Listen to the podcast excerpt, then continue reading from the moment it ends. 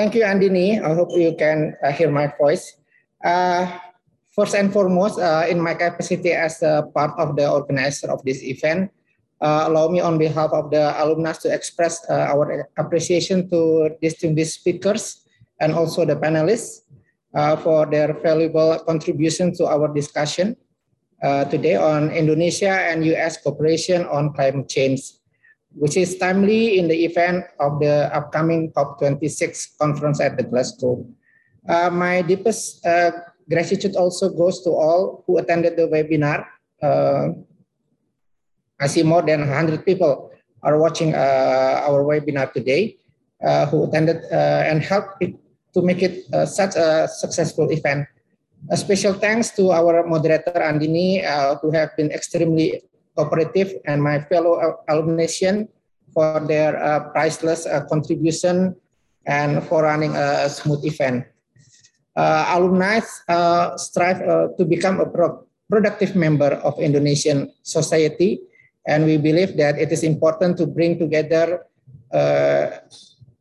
diverse group of people coming from different industries, academic expert, government representative, and stakeholders to discuss important and many things, uh, many times challenges issues uh, that Indonesia are facing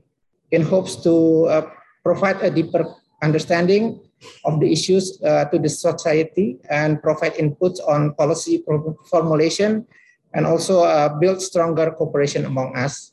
I believe that uh, today's webinar have met those expectations. Hearing and learning from speakers, panelists, as well as the audience uh, has educated me and all of us here uh, on a number of important issues related to renew renewable energy and climate change in Indonesia,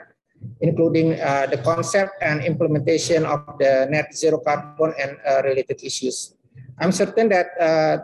the takeaways from this webinar will deepen our thinking and stimulate future works in this area including finding a technological breakthrough, formulating a balanced development strategy with environmental protection, and a conversation, uh, cons conservation uh, strategy.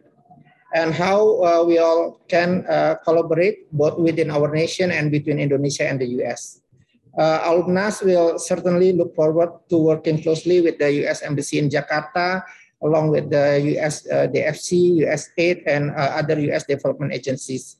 Uh, to end my closing, uh, alumnus would also like to invite